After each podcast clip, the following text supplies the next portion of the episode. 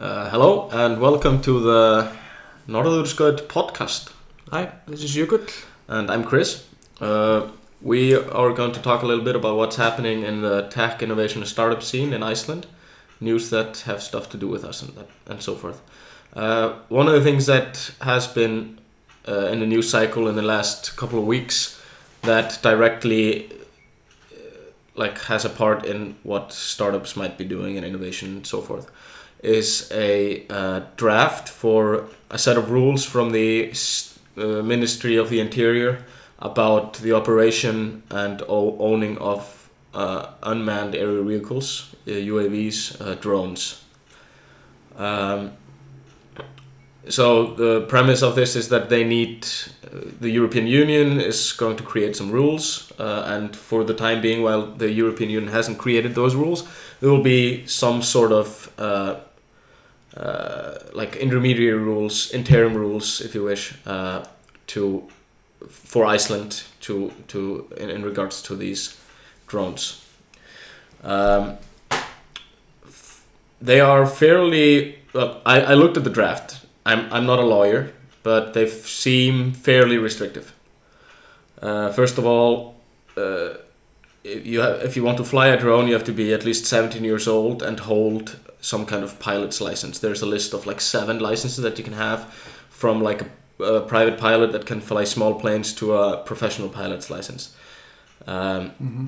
This obviously, you know, if you know, if you're an engineer and want to create a drone and want to fly it, you need some kind of fly license, which you know is, there's a hurdle for you to step over, right? Mm-hmm. Uh, you're not allowed to fly in. Uh, uh, in like crowded areas or like in with, within town, which is basically all of Reykjavik. So you have to get out, go out of Reykjavik to fly it, uh, and you can it can never leave, leave the the the pilot's sight, uh, which basically eliminates. Or as I understand it, again, I'm not a lawyer, but as I understand it, that probably eliminates a lot of possibilities for automatic drones. Yeah, which is kind of where the real potential application is for like substa- substantial drone innovation would be an automated drone for delivery and that kind of thing. I think. Obviously, like for commercial and I think the manned, yeah, I think like the, the manually controlled drones are toys. Yeah, they're yeah like hobby stuff more. Yeah. Uh, and you know, and military stuff that yeah. obviously Iceland is not going to be doing. But yeah, these the automatic, the part where the pilot has to see them at all times, is fairly troublesome and that kind of eliminates the possibility of having like drones that have uh, like have cameras and just are automatic or point of view drones that you can control from a place by just using the camera which is within them. And um, now i mean uh, neither of us is is uh, knows a lot about drones like in particular but uh, we want to bring this up as a topic for discussion because um, like the role of government in all of this. Mm-hmm. Uh, like what, like for example, this it sounds to me like it's going to be a hassle now if you want to start a startup or if your company wants to do something related to drones. It's going to be a lot of hurdles and hoops to jump through. Yeah. And you know, might stifle innovation. Yeah, I think basically what the government is saying here is that uh, their drones are okay for toys as long as you're in the countryside. Yeah. Over 17 with a pilot's license, which yeah. um, eliminates, I think, like 90 percent plus of all of the usage right now.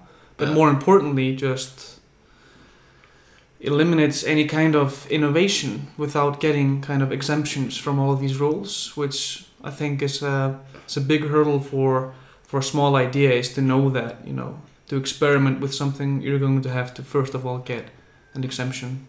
Yeah. Um, so that kind of leaves us with the question of like, are we kind of putting ourselves in a spot where Iceland is probably never going to have any kind of drone innovation going forward?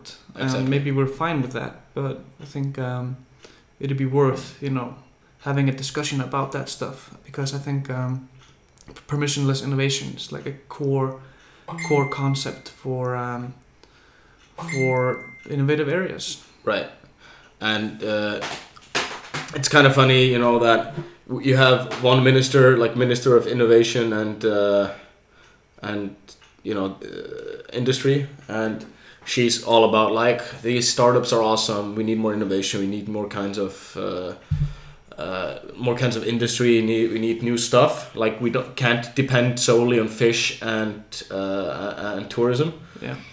And at the same time, the other ministry is like, hey, these drone things, which might be like the huge a huge thing in the future, uh, let's regulate the shit out of it and not you know Yeah. not allow people to uh, experiment with it. yeah. I'd also like to know how many drone accidents, how many Yeah. how many injuries or like is this I'm not sure what's going on in regulation in other countries, but I mean obviously there have been some drone accidents and they're they could be programmed to do evil things, but I'm wondering like isn't there existing regulation that kind of covers all of those scenarios? Like what what is the real need to re- need for regulation here? Yeah. Um, I guess you know, as you said, like other people are probably more familiar with this stuff, but I think um, I think it's worth thinking about how bad are the are the are the things that we're trying to avoid here. Right, and it, it's not like, I mean, at least to my knowledge, I haven't seen any any any any, any event in Iceland where there were like these drones and some drone caused like a catastrophe or No, no, or, no. or I think- killed or injured anyone or anything No. like that. This is I'm pretty preemptive I'm, kind I'm pretty sure this is just regulation that's being translated from from some other countries. Yeah, yeah. I think actually it's like from Switzerland or something. Right.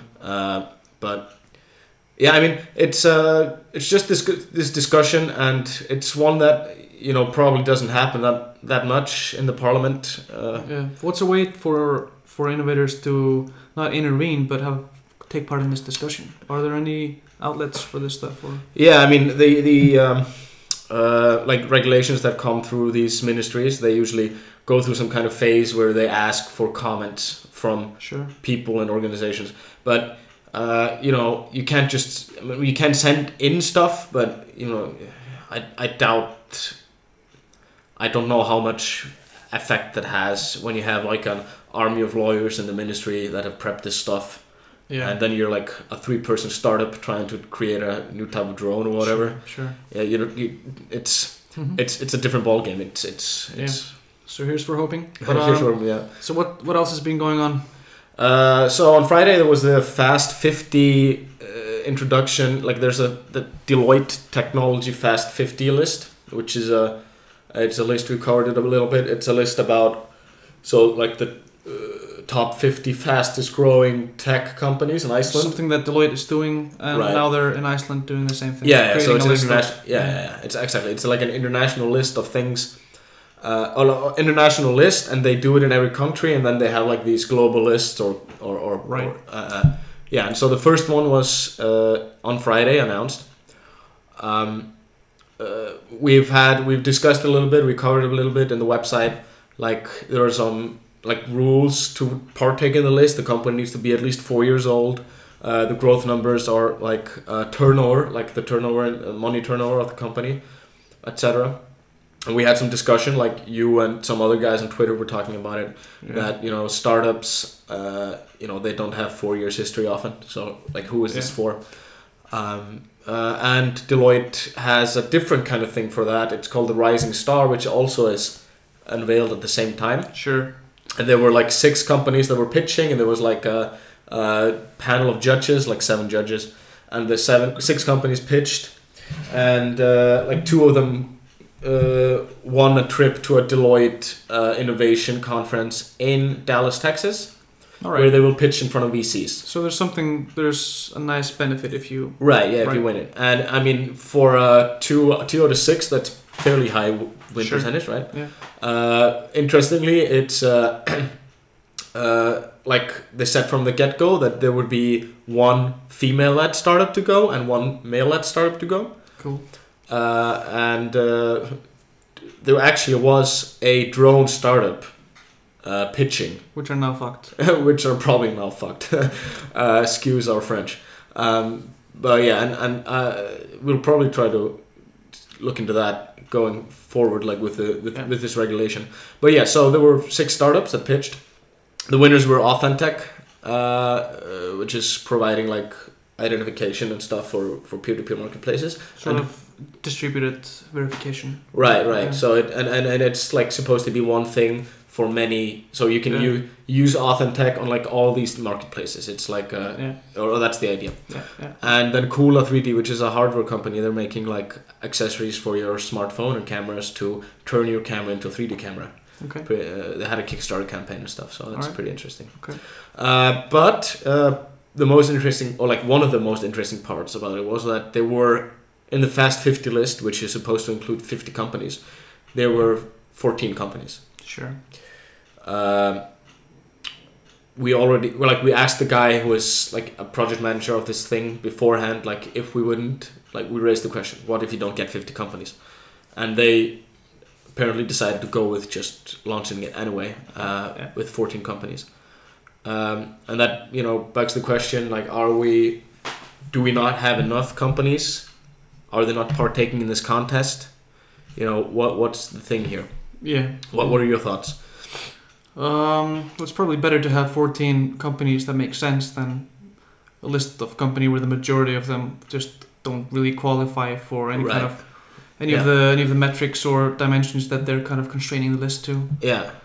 Um, but there's, you know, that we and we had that discussion on Twitter about, you know, this and that about the list. But I think there's a more, a bigger discussion like what are innovators and entrepreneurs in Iceland like? What are they going after? Like what kind of recognition are they going after? Yeah. I think like at a very early stage, uh, like it doesn't hurt to be recognized by, by a thing like Deloitte. It's, Yeah. it's fine, you know. We don't really mind, but um, I do wonder though whether like the the effort to be recognized, whether that's a worthy thing to pursue for companies. Right. Like, um, and there's often this discussion about, you know, you could spend all day going to conferences, you could spend all day trying to get all the advice in the world, but when it comes down to it, you just have to ship a product as soon as possible and get some feedback. Yeah. Um, and getting investors on board uh, soon is is healthy. So, um, um, I'm not gonna say that Deloitte's efforts or anything like that are like shifting the focus to a bad place or anything like that. I think it's a really good effort to sort of to put themselves out there and offer their services to startups, Obviously, which yeah. which they do, which is which I think is a great thing. And a vehicle like the the 50 list is definitely something just to garner attention for their own products. I think, Yeah, yeah. um, and then sending some people out to Dallas to pitch to investors. That's awesome. I mean, that's that's that's that's, That's great. awesome. You know? Yeah, it would be awesome to get some Dallas money back here in Iceland. yeah. So I mean, those are some thoughts. I don't know.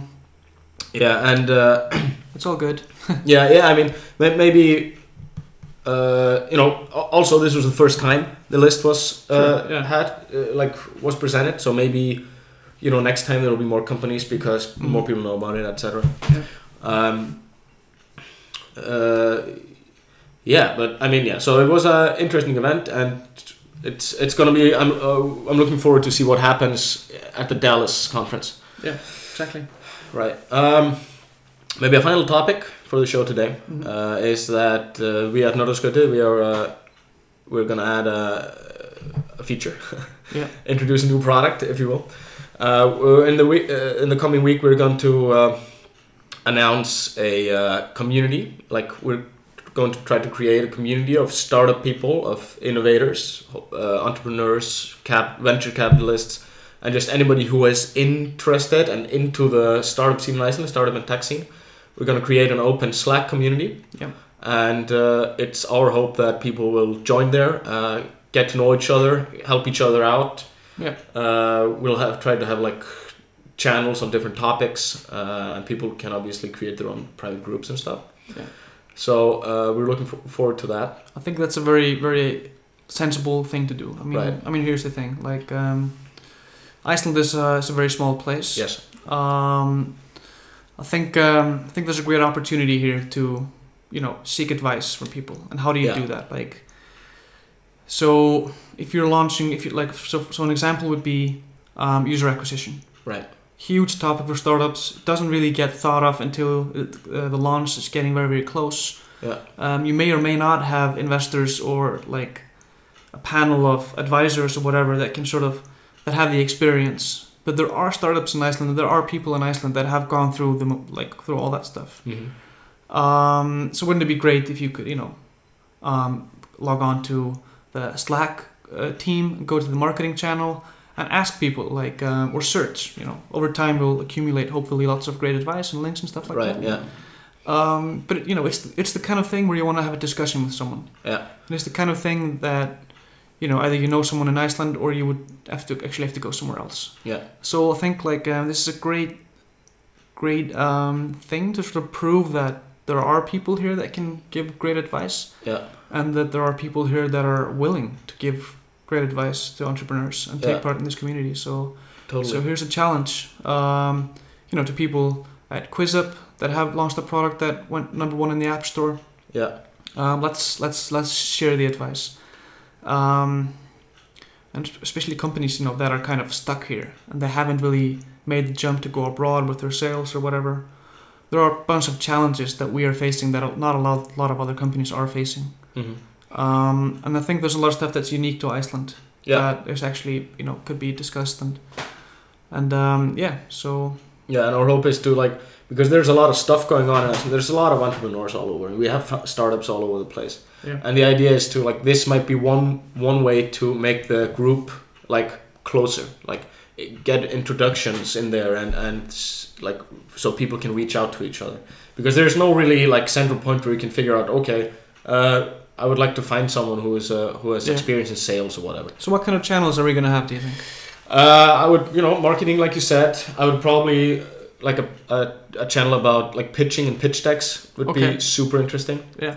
I think. Um, ideas yeah, right. Uh, obviously, general discussions, discussions about events that are going on, fundraising probably, uh, design, design and UX. Yeah. That's a you know that's a big thing, and, and and and you posted an article like earlier that you know there probably are a lot of people interested in it, but Yeah. are they are they connecting?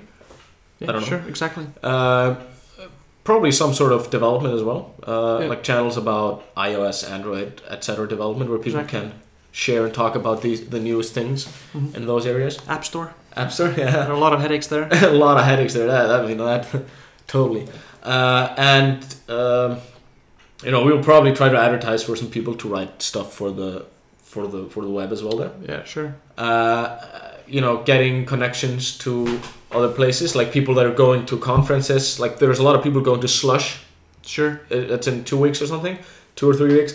You know, it would be cool to have a group on the Slack channel, like for people that are going there to coordinate if they want to do something together and that kind of so when is it launching. Uh, this week, I would say like Wednesday, Thursday. We will we will send out an, a Yeah, thing great so by the time you hear this probably Yeah, all right All right. so please join that please join that. Um, I hope you like this new format. Thanks for now. thanks for listening